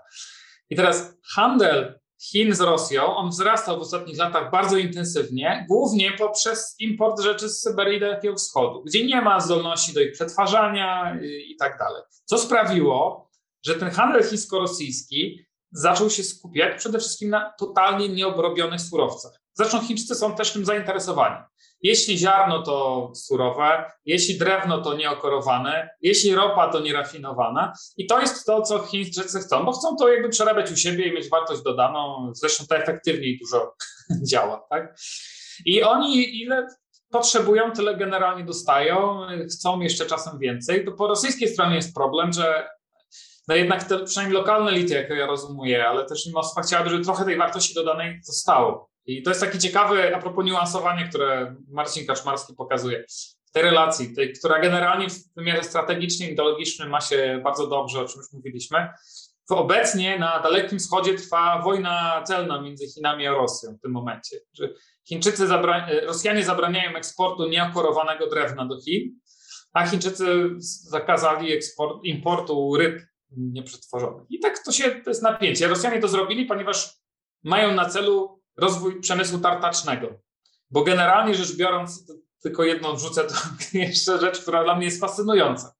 Struktura eksportu Rosji do Chin ma tak wielki udział nieprzetworzonych zupełnie surowców, że najbliższa jest chińskiemu importowi z Angolii, yy, podczas gdy są państwa zaplecze surowcowe dla Chin, które mają dużo więcej tych przetworzonych rzeczy. Na przykład Iran czy Arabia Saudyjska.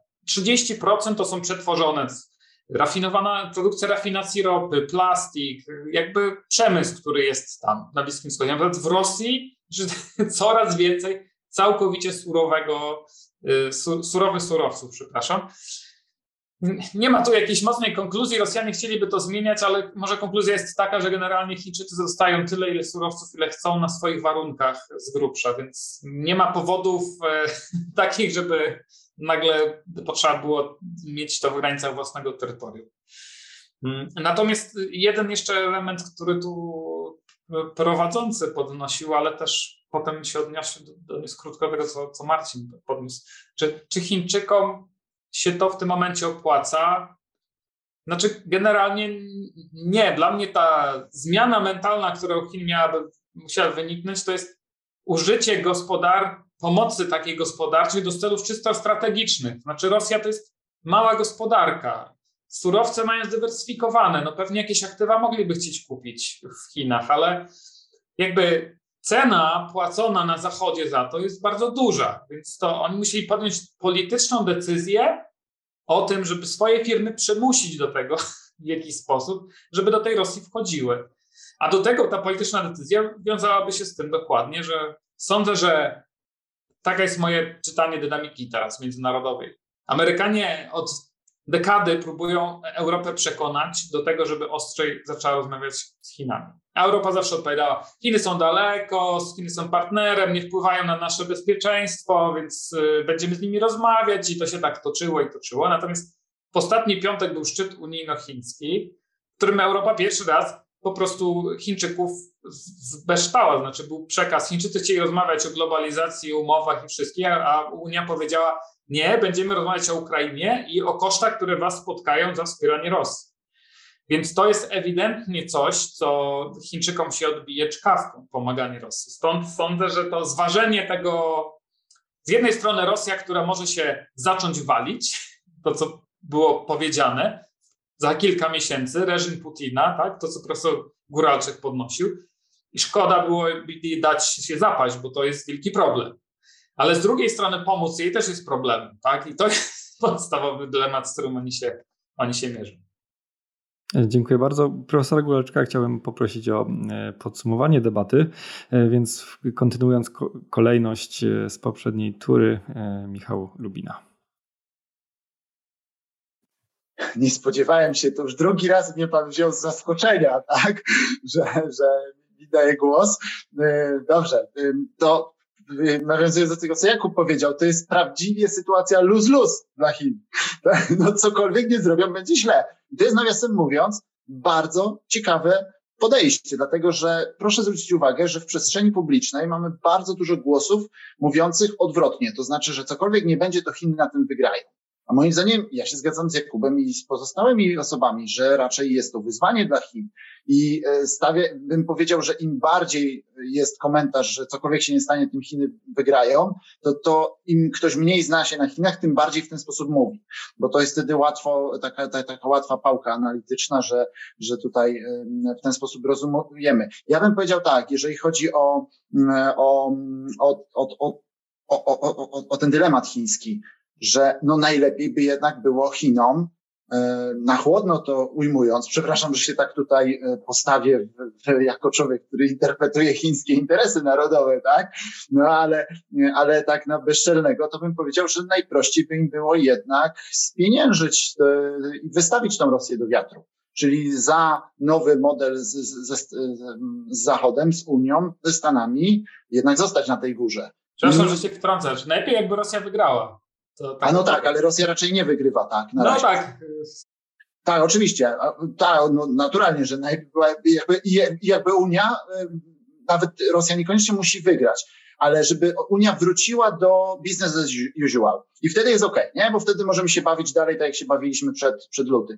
Natomiast jeżeli Rosja no, przegra w ten czy inny sposób, no to w tym momencie mimo wszystko wydaje mi się, że dla Chin lepiej by było zostawić tą Rosję, wystawić ją do wiatru. Z punktu widzenia no, duży, duży znak zapytania interesów narodowych, tak? Że tak powiem. Mam pełną świadomość tego, jak niebezpieczna jest to kategoria. Ale, i tutaj znowu bym wrócił do tego, co Marcin mówił i co, i co e, inni również podnosili, no to jest niebezpieczne operować na takim kategorii, na takim poziomie państwa, dlatego, że no państwo tworzą ludzie elity, no i tutaj mamy elity Xi Jinpinga i z ich perspektywy to wcale niekoniecznie zostawienie tej Rosji mogłoby być takim, e, takim tutaj dobrym wyborem, a więc w tym momencie mamy starcie no, bardzo ciekawe. E, z jednej strony interesy chińskie narodowe wydają się podpowiadać, żeby jednak zostawić tą Rosję, ale interesy jednak reżimu Xi i jego rozumienia porządku międzynarodowego raczej ciągną Chiny w stronę pomocy rosyjskiej. To jest bardzo ciekawe napięcie, Oczywiście y, y, to będzie łagodzone przez tą chińską mętność oświadczeń, działań, ruchów, tak, żeby zrobić sobie jeden krok w tył, a dwa w bok i, i, i to, to jest jasne, tak. Natomiast co do istoty, to moim zdaniem tu jest ta sprzeczność, czyli z jednej strony bardziej by się opłacało Chinom wystawić Rosję, ale z perspektywy Xi bardziej by się opłacało jednak jej pomóc. I bardzo ciekawe to jest napięcie, a to, że zbliża się 20 zjazd, to tylko to napięcie zwiększa. Dziękuję. Dziękuję i profesor Marcin Kaczmarski. Dziękuję. Ja, ja bym wrócił do, do tego, do, do, jeszcze jednego aspektu mm, potencjalnych opcji stojących przed, przed Pekinem.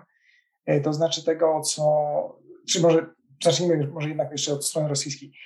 Trochę jest, pojawia się pytanie, czego, czego tak naprawdę Rosja oczekuje, ale odpowiedź na to pytanie jest bardzo trudna, bo po pierwsze, tak jak już wspominałem, jest rosyjscy eksperci w dużej mierze zamykli.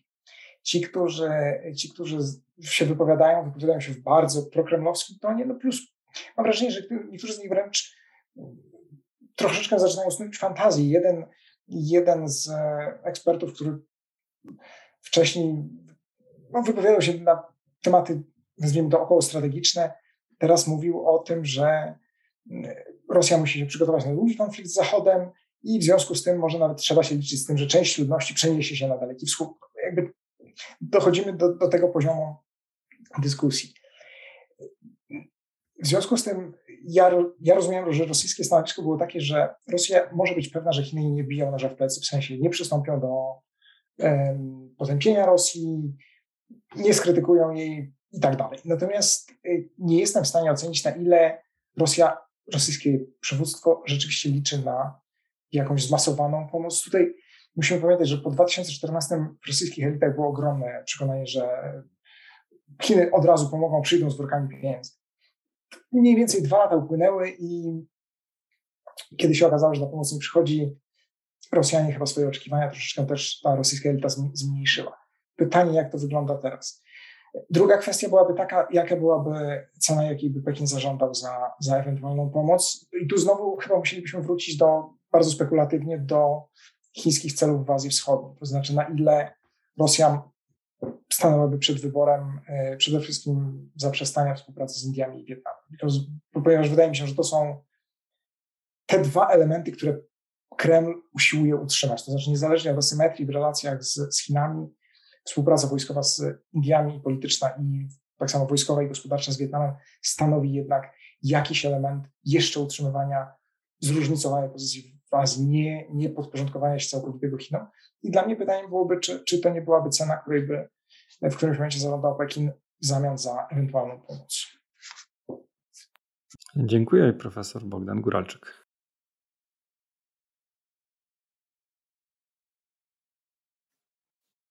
Ja chciałbym podtrzymać tezę, którą już wcześniej postawiłem, że nie będzie po tej wojnie powrotu do stanu sprzed tej wojny. To znaczy, że sytuacja się zmieni. I tu mamy kilka nakładających się na siebie zjawisk i procesów. Pierwsze, że coraz bardziej jest widoczne, również z Pekinu czy z Moskwy, że największym wygranym tej zawieruchy mogą być Stany Zjednoczone. I chodzi nie tylko o e, ten cały konglomerat wojskowo-przemysłowy, co naturalne przy wojnie, ale przede wszystkim o rewolucję łupkową, bo Stany Zjednoczone są w tej chwili eksporterem surowców energetycznych i mogą bardzo łatwo i już zaczynają to robić, zastąpić surowce rosyjskie. I to jest straszliwy ból głowy dla Pekinu. I jak mówię, nawet spodziewam się, że w pewnym momencie Chiny się włączą w mediację, żeby zakończyć tę wojnę, bo mogą zbyt dużo na tym przegrać. Jeśli chodzi o Rosję, to Marcin Kaczmarski absolutnie ma rację. Tam jest wojna. Już przed wojną dyskurs i debata intelektualna była zahamowana, a teraz jest logika wojenna. My czekamy, idziemy z biegiem wydarzeń, a trudno je przewidzieć. Więc wielka debata w Rosji o jej roli w przyszłości rozpocznie się po tej wojnie, a nie w trakcie wojny. I w tym sensie jest w ogóle pytanie o przyszłe miejsce Rosji. Dotychczas tośmy mówili, no pamiętacie, oil station with nukes, czyli e, stacja benzynowa z rakietami jądrowymi i wystarczyło. Ale na przyszły świat e, ta rola jest do zdefiniowania i bardzo trudno w tej chwili określić, bo od wojny będzie zależało, jaka to będzie rola. Jeśli chodzi natomiast o Chiny, to im się wydawało, że będą największymi zwycięzcami. Teraz już widzą, że mogą być co najwyżej na zasadzie win-win z Amerykanami, zwycięzcami, a mogą w ogóle być przegranymi, bo mają ten lose-lose, e, jakbyście stwierdzili, wybór, a nie wcale win-win. I dla nich jest e, problem podstawowy, pierwszy, e, co zrobić, żeby Ameryka za bardzo się nie umocniła. Po drugie, żeby Europa pozostała samodzielnym graczem. Oni cały czas chcą, chcą tej naszej strategicznej autonomii i podejrzewam, że czekają, ja też zresztą, na wybory we Francji, bo już we, na Węgrzech już są za mną, to już jeszcze sporo webinarów odwalam, dzisiaj za, za chwilę po tym też, ale e, oczywiście Francja zadecyduje, jaki będzie przyszły wizerunek integracji europejskiej, no bo mamy politykę mocarstwową od Donalda Trumpa, Biden ją kontynuuje, to znaczy taki twór jak Unia Europejska, który się samo definiuje jako soft power czy normative power, no nie ma prawa istnienia w nowej logice dziejów. I my musimy szybko zdefiniować swoją rolę albo szukać wsparcia i, i szukać redefinicji również relacji euroatlantyckich. E, I e, kolejna rzecz, E, ja prezentuję dosyć twardo tezę, że począwszy od grudnia 2001 roku, czyli od tego momentu, kiedy Stany Zjednoczone weszły do Afganistanu z misją ISAF, a w tym samym miesiącu Chiny za zgodą Amerykanów weszły do WTO, do Światowej Organizacji Handlu, My mamy do czynienia z power shift, przesuwaniem się ośrodka siły z Atlantyku na Pacyfik. Ta wojna zaburzyła logikę. Y, etapami był 2001, potem 2008 i potem pandemia. Ta, ta e, wojna zaskoczyła Chińczyków i stawia ich coś, co definiuje jako strategiczną konfuzję. Oni naprawdę nie wiedzą, co z tym fantem począć, bo dotychczasowe ich wszystkie założenia się załamały. Pisząc ten tekst o reakcjach chińskich na wojnę ukraińską, zauważyłem, że najwybitniejsi chińscy strategzy, jak Wang Jisi czy Yang Xietung, oni milczą. Oni nie zabierają głosu. E, Chen Yunyen zabrał głos bezpośrednio po wybuchu wojny on jest bardzo wpływowy, on jest słuchany przez najwyższe kierownictwo Xi Jinpingiem włącznie i powtarzał w zasadzie e, rosyjską e, narrację z Kremla płynącą, z jednym dodatkiem słusznym, że e, to komplikuje niezmiernie scenę międzynarodową. I w tym kontekście zwracam uwagę nas wszystkich i naszych słuchaczy szczególnie, że w regionie Azji i Pacyfiku rozpoczęły się nowe rozwiązania instytucjonalne. Już raz w tym kierunku pojechałem, że są nowe projekty integracji gospodarczej, czy w ramach recepu no, trochę szerszej, bo to jest regionalne, pogłębione partnerstwo, no i amerykańskie usiłowania, y, trochę zawirowane też, bo tu kolejnego w wykonaniu administracji Bidena, że pójdzie na Pacyfik, no a musiała przyjść na granicę polsko-ukraińską. Czy któryś z nas by przewidział, że w ciągu 1 e, lutego, gdybyśmy się obudzili, no dobrze, 4 lutego w dniu otwarcia Igrzysk Zimowych, że za miesiąc w Polsce będzie prezydent Biden, wiceprezydent Harris, że szef Pentagonu będzie dwukrotnie i szef dyplomacji amerykańskiej dwukrotnie w Polsce.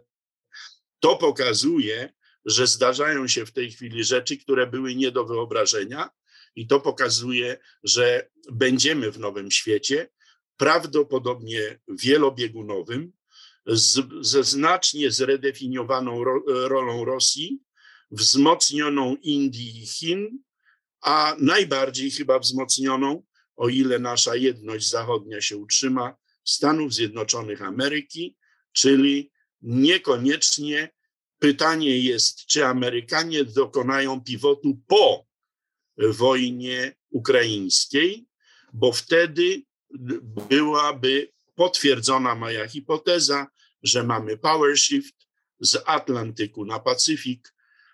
No i wtedy jest bardzo zła teza dla nas, bo to jest coś, co brzmi źle, nawet w Glasgow, e, mianowicie koniec europocentryzmu, bo jeszcze mm, po prostu wyjdą wielkie mocarstwa wzmocnione z znakiem zapytaniem o rolę Rosji. Tak to widzę. Trochę skomplikowałem, ale celowo. Dziękuję panie profesorze. Ja na koniec oczywiście gorąco polecam również książki profesora Góralczyka dostępną u nas w księgarni, w tym e, cały tryptyk chiński. E, gorąco polecam, link oczywiście w opisie poniżej filmu. E, a ja już dziękuję państwu za wysłuchanie tej, tej debaty. Dla mnie i dla państwa mówili profesor Bogdan Góralczyk, profesor Marcin Kaczmarski, profesor Michał Lubina oraz doktor Jakub Jakubowski. Ja nazywam się Jarosław Walkowicz i zachęcam państwa do naszych innych materiałów, a także na nasz portal nowakonfederacja.pl gdzie codziennie możecie znaleźć nowe analizy i komentarze do bieżącej sytuacji w Polsce i na świecie. Dziękuję i do usłyszenia następnym razem.